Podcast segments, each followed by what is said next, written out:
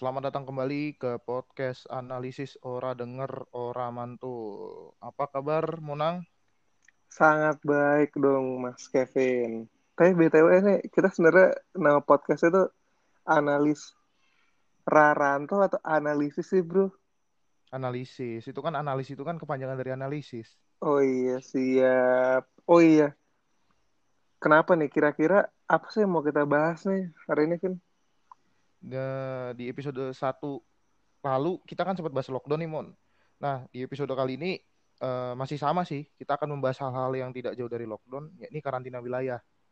Nah, kenapa kita mau bahas itu? Karena info terupdate yang kita terima, bahwasannya pemerintah pusat ini sedang menggodok sebuah peraturan yang, berdam, yang bernama Peraturan Pemerintah alias PP untuk pelaksanaan karantina wilayah. Uh, ternyata benar saja lockdown itu jelas berbeda dengan karantina wilayah. Seperti yang kita bahas di episode 1 sebelumnya, biasanya UU itu ada teknis pelaksanaannya kan, Imon? Nah, Yui. biasanya itu berbentuk PP dan lain-lain. Terus eh, ini gue gue baca-baca kemarin, belum lama ini beritanya, ya sehari dua hari yang lalu.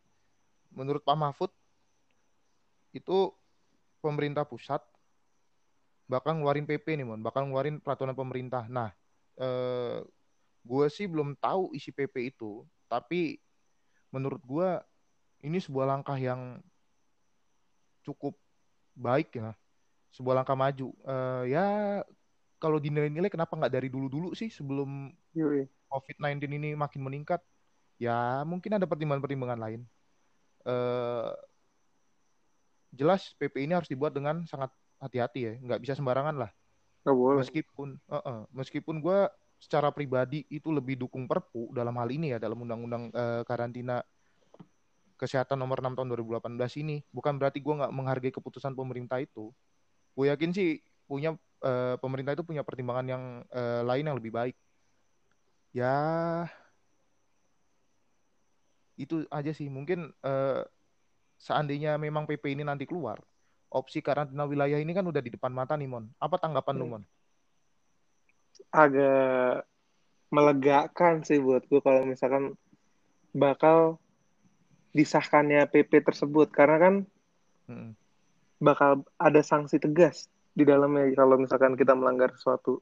Coba hmm. Depin, lo jelasin lagi apa sih yang lebih luas lagi gitu Nah, tadi kan lu bilang harus ada sanksi tegas. Nah, kalau di PP itu nggak bisa ngatur sanksi tegas, Mon. Jadi harus Oh, nggak boleh.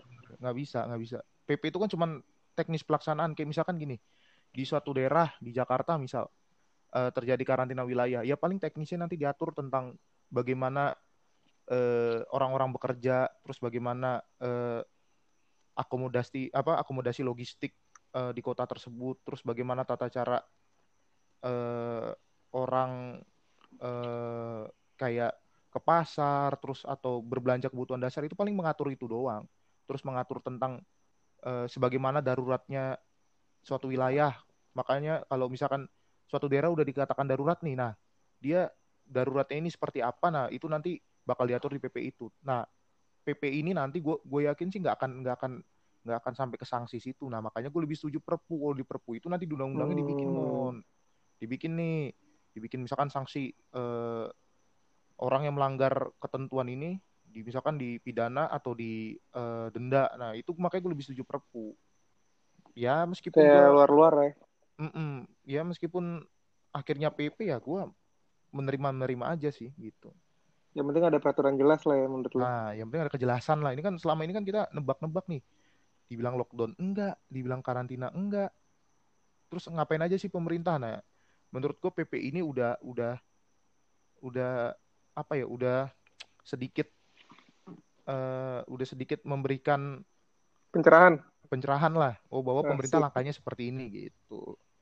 Tapi ngomongin tentang PP mungkin nanti aja lah kita akan bahas di uh, yeah, next, beda karena PP-nya sendiri uh, PP-nya belum uh, ada. Belum. nah jadi kira-kira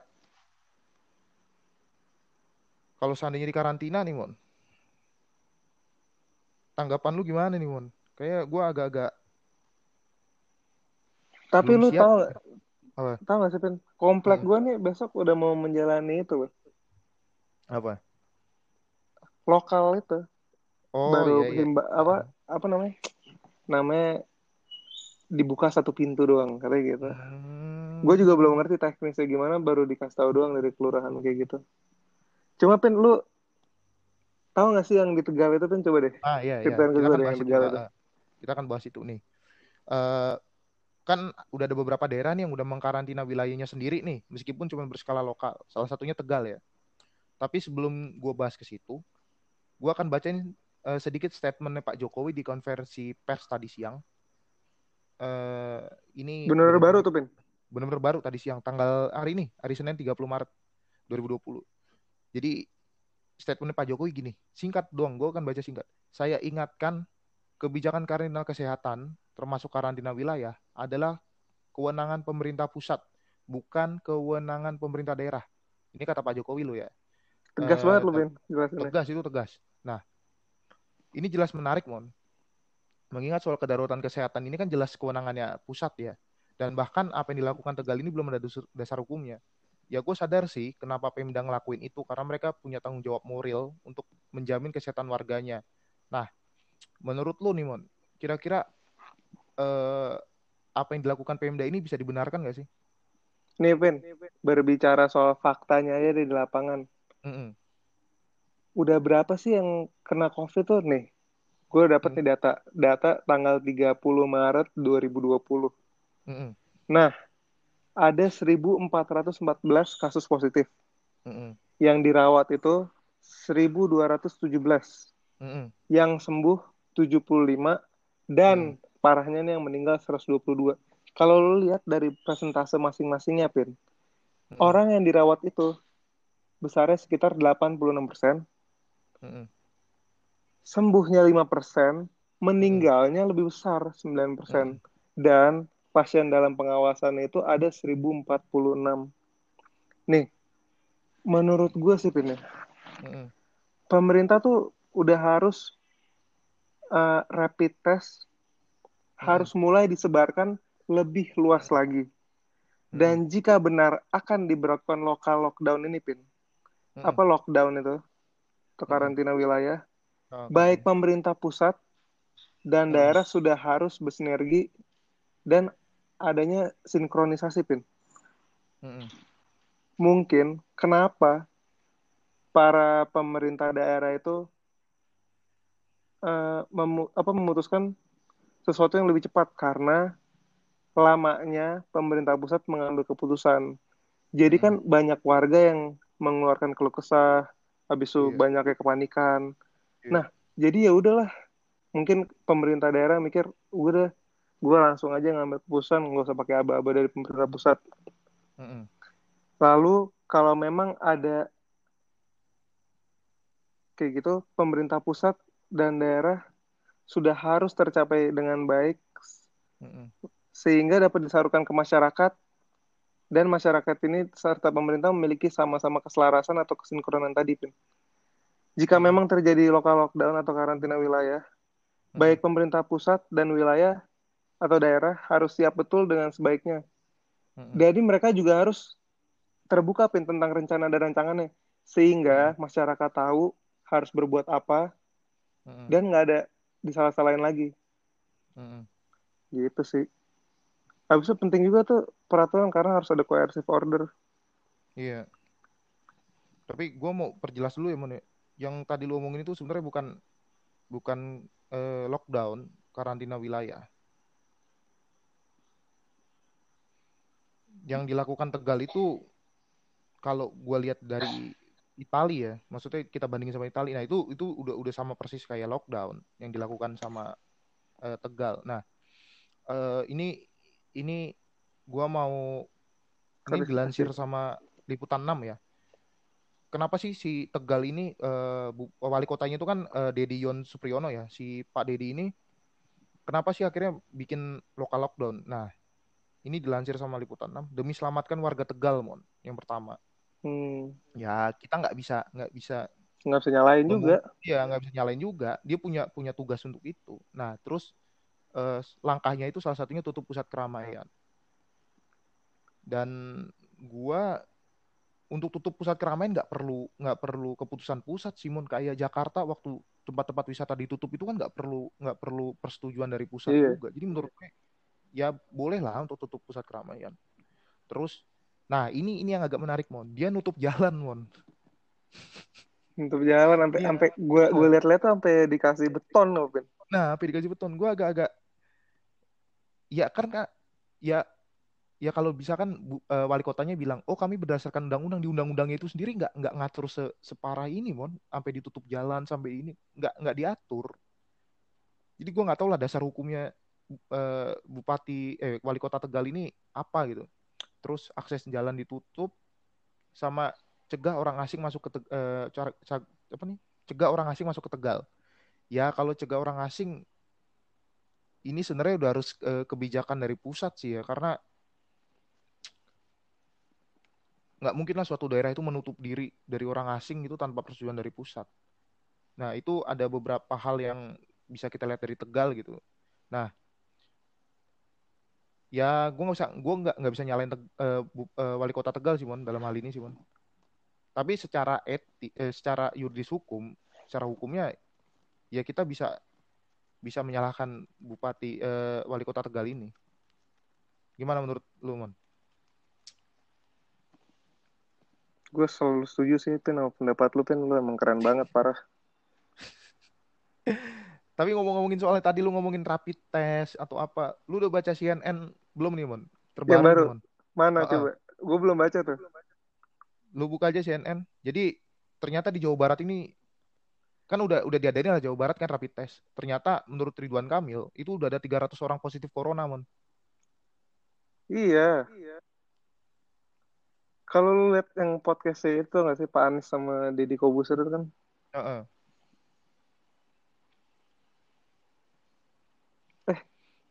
Yang mana? Ada CNN ini baru baru baru tadi sore. Rapid test uh, Ridwan Kamil sebut 300 orang positif corona. Ini gue agak-agak kaget waktu denger. Uh, ya ini ini hasil rapid test ya, belum hasil tes swabnya ya. Tapi hasil rapid test 300 orang kena COVID itu udah udah udah urgent banget lah menurut gue. Ayolah segera keluarkan PP. Keluaran PP. udah dapat lo beritanya man. Baca dulu deh. Kayak sebaiknya oh ini udah ada 20 22 ribu alat rapid test sudah disebarkan ke 27 daerah di Jawa Barat. Nah, sementara hasil rapid test ternyata 22 ribu itu ada 300-an orang yang positif. Emil, uh, Pak Emil mengatakan 300 orang dinyatakan positif itu akan menjalani tes lanjutan, yaitu tes swab yang tadi gue omongin, atau pengambilan sampel air liur dari mulut dan tenggorokan. Jadi akan ada tes lanjutan. Nah, uh, tadi kan lu udah bahas tuh mon jumlah terkini korban covid terus uh. ditambah berita ini 300 orang lagi-lagi gue harus tanya nih sama lu sebagai uh, masyarakat ibu kota lah urgent gak kita harus karantina wilayah mon sekali lagi gua gua akan tanya itu mon urgent sih Ben urgent ya? Urgent parah. Nah tapi ngomongin uh, karantina wilayah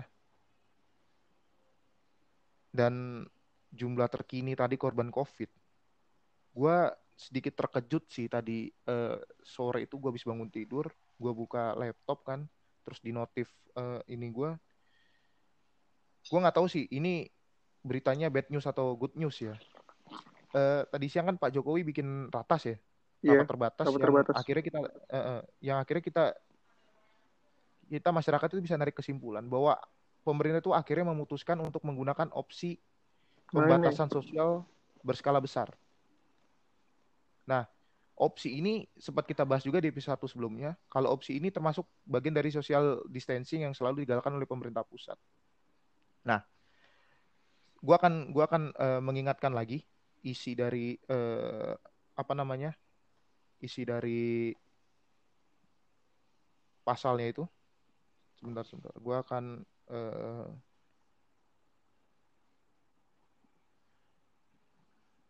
gue akan bacain lagi pasal 54 Undang-Undang Nomor 6 tahun 2018 tentang karantina kesehatan.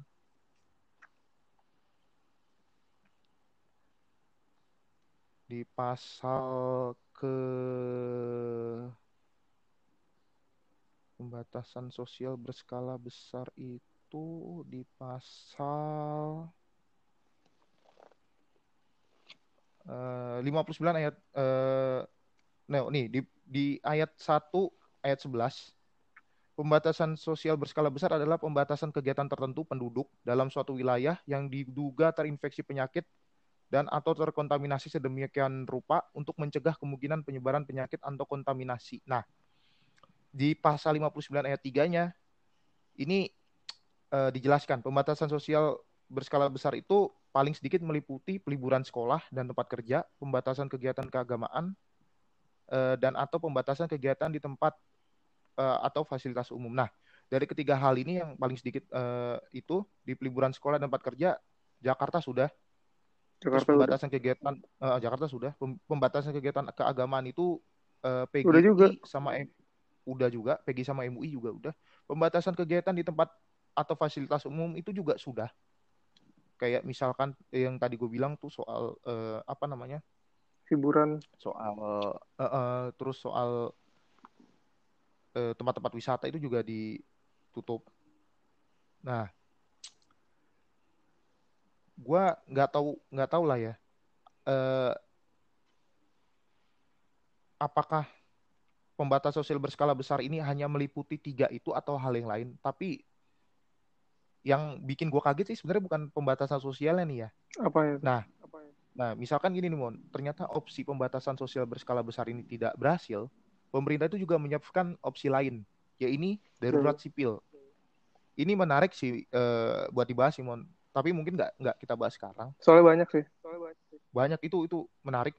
Uh, kita akan nunggu entah uh, eh, PP atau apanya. Gua akan nunggu itu dulu sebelum kita bahas nanti.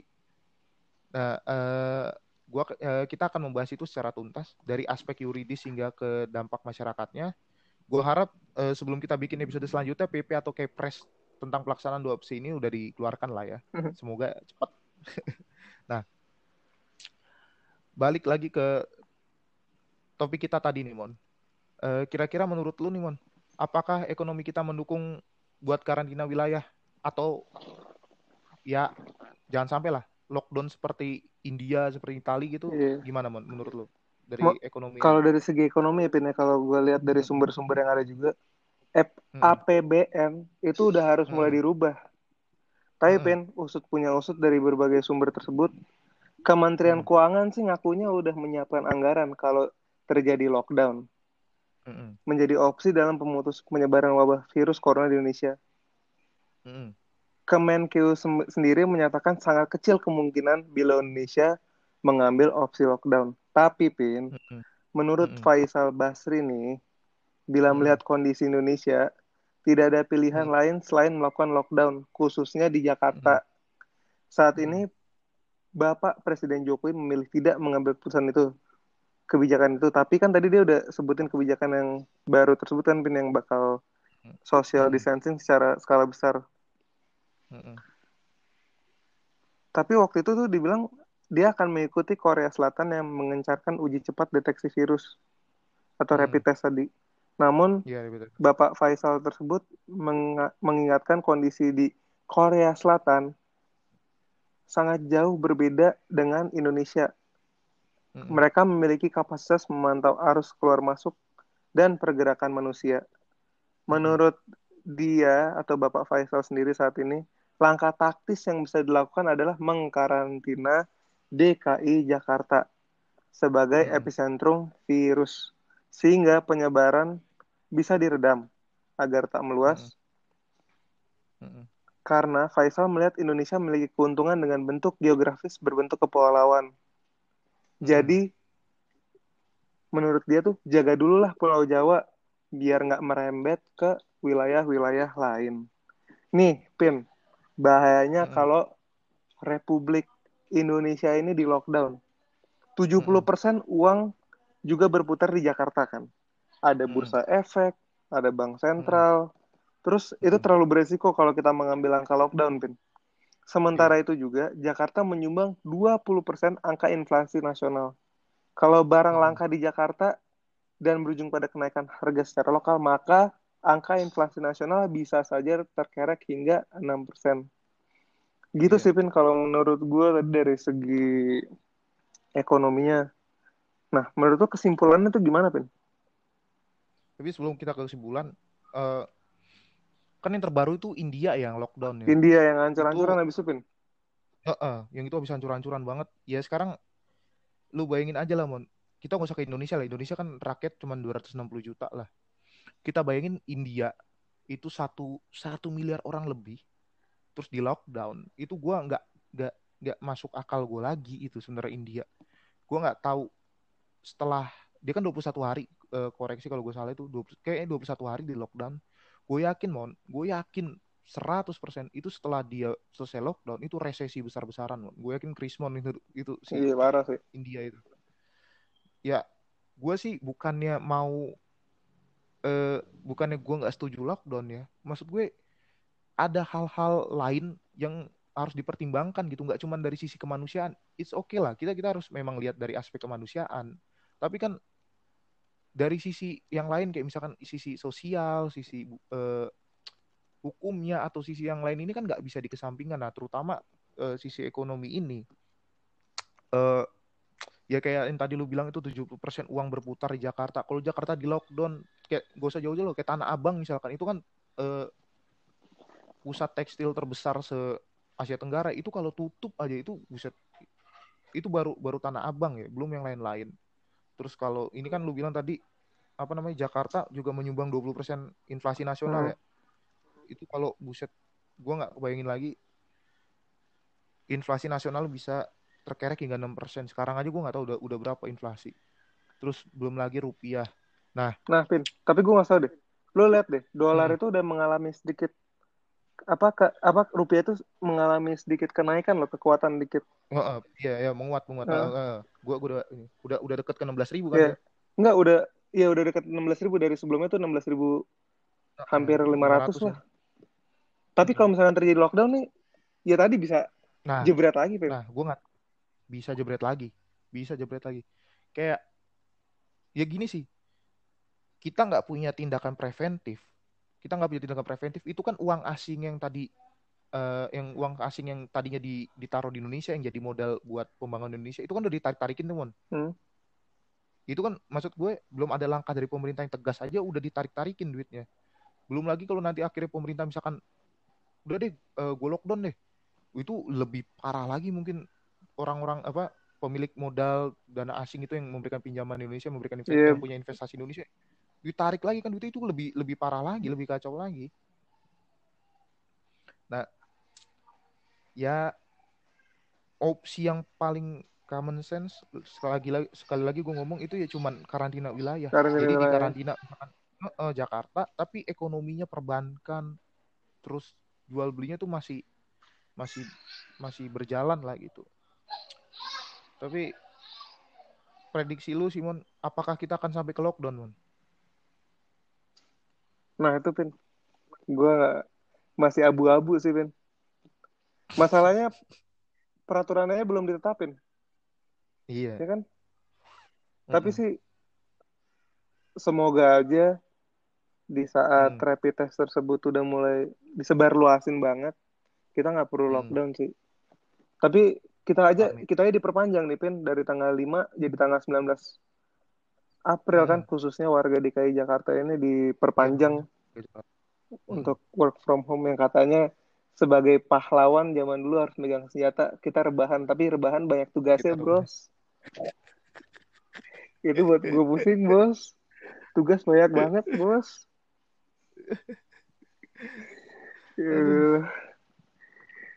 Ya dari ya itu sih. Gue sampai sampai nggak tahu lagi harus ngapain gitu kan. Nonton Netflix sampai bosen. Itu tuh pin kaum rebahan pin. Eh, eh.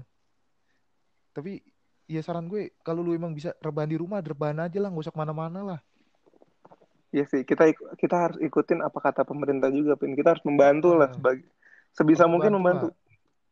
sebisa mungkin membantu nah. meskipun nah. ya lu nggak setuju sama dia ya lu sedikit membantu, membantu. lah gitu abis itu pin nih ini penting juga nih pin sebaiknya tuh hmm. orang yang mempunyai uang lebih ya atau kita hmm. sebut oh, iya, kalangan iya, iya. atas tuh mm -mm. biar kita bisa berjalan dengan lancar nih stay from home apa stay stay in home apa work from home apa segala macem. Uh -uh. ada baiknya mereka mau memberikan dana khusus atau dana uang mereka yang berlebih itu kepada kalangan bawah Depin.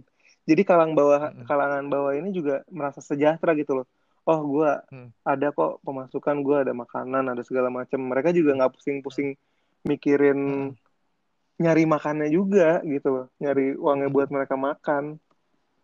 Gitu sih. Tapi kalau selalu ngomongin itu gue apresiasi buat para influencer sih mon yang udah udah galang dana di kitabisa.com atau di mana pun yeah. itu kayak misalkan beberapa influencer itu udah ada yang ngumpulin sampai 5 m terus bikin konser online bisa sampai 7 m ya gue apresiasi itu sih itu sebuah langkah yang menurut gue nggak perlu nggak perlu disuruh pemerintah dulu gitu. Kita udah punya inisiatif. Kita udah punya apa namanya inisiatif uh. sendiri gitu. Itu yang yang menurut gua harus harus terus digalakkan gitu. Nah, tapi dari yang tadi kita obrolin tuh soal ekonomi ya.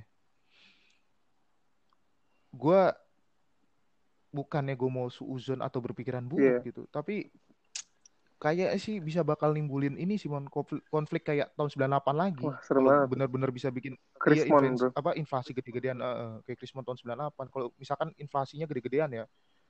Uh, ya buat teman-teman jangan lagi deh minta lockdown deh. Karena jelas lebih banyak mudorotnya daripada manfaatnya gitu. Mending kita tunggu saja uh, peraturan pemerintah tentang karantina wilayah. Uh, tapi dari apa yang gue lihat dari paparan lu tadi ya Mon ya, gue sih nangkepnya di karantina wilayah nanti di PP tersebut ya kalau seandainya PP itu keluar. Eh, perekonomian itu bakal tetap jalan dan gue rasa logistik akomodasi buat pangan terus eh, obat-obatan itu bakal tetap diperbolehkan gitu. Nah, nggak akan sesaklek di Italia dan lain-lain yang benar-benar lu nggak boleh keluar, lu sanksi boleh, ya. Sanksi. dapat sanksi lagi.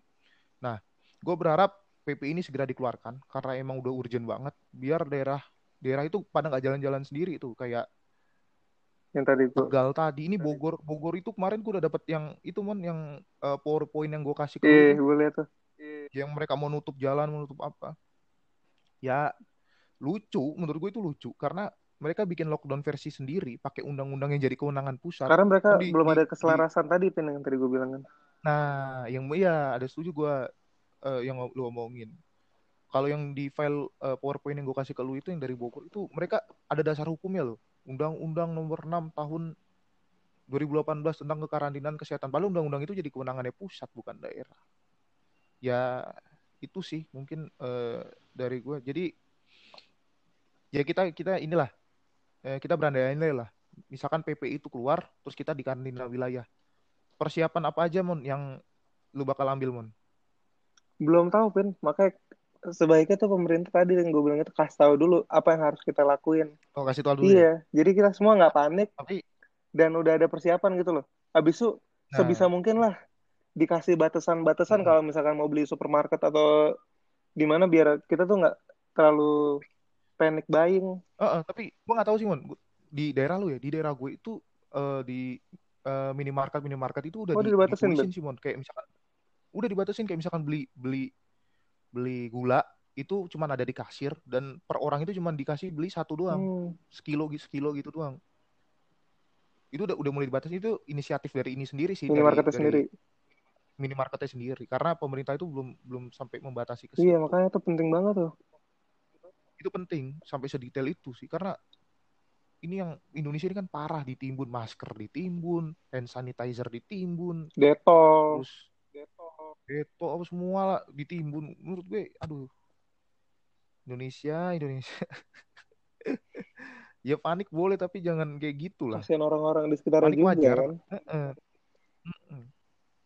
ya kalau persiapan gue sih gue udah beli ini sih mon. Uh, paketan yang berlebih terus gue langganan Netflix lagi. Itu itu, itu udah pasti. Gue gue nggak makan nggak apa-apa deh. Yang penting bisa bisa akses internet gitu. tapi paket yang waktu itu lu buat nonton bola yang lu transfer ke gue gue suruh bayarin tuh pin nah, gimana tuh pin nah, aduh itu sayang banget ya. Sakit hati gue sakit hati. Liganya nggak tahu nggak tahu berlanjut apa enggak itu. Tapi sesedih-sedih gue masih lebih sedih fans Liverpool. Waduh, itu sedih parah sih, Vin.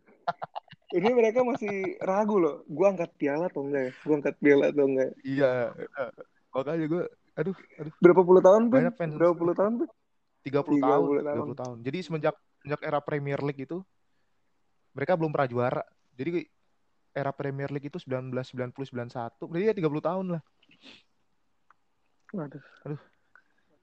Kasian itu gue aduh teman-teman gue tuh udah fans Liverpool mukanya udah murung aja kan gue udah bilang pasti juara pasti juara nggak mungkin nggak. Karena kalau seandainya liga liga itu di di mulai ulang ya kasihan Liverpool lah. Jaraknya jauh banget. Liverpool 25 udah pasti juara. 25 poin.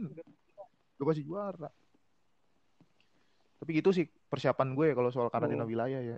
Sama ya itu aja sih. Terus eh, Mungkin lu ada bakal ada tambahan mas sebelum gua closing mas? Nih, Vin, gue mau soalnya ini bagus banget nih. Buat apa di keramaian kalau di keramaian juga kalian merasa sepi gitu? Iya. Udah Vin, aja closing Vin. Jadi iya. gimana? Jadi gimana? Uh, gua akan kutip kata-katanya Dilan ya. Jadi Pak Jokowi itu berat, biar dia saja.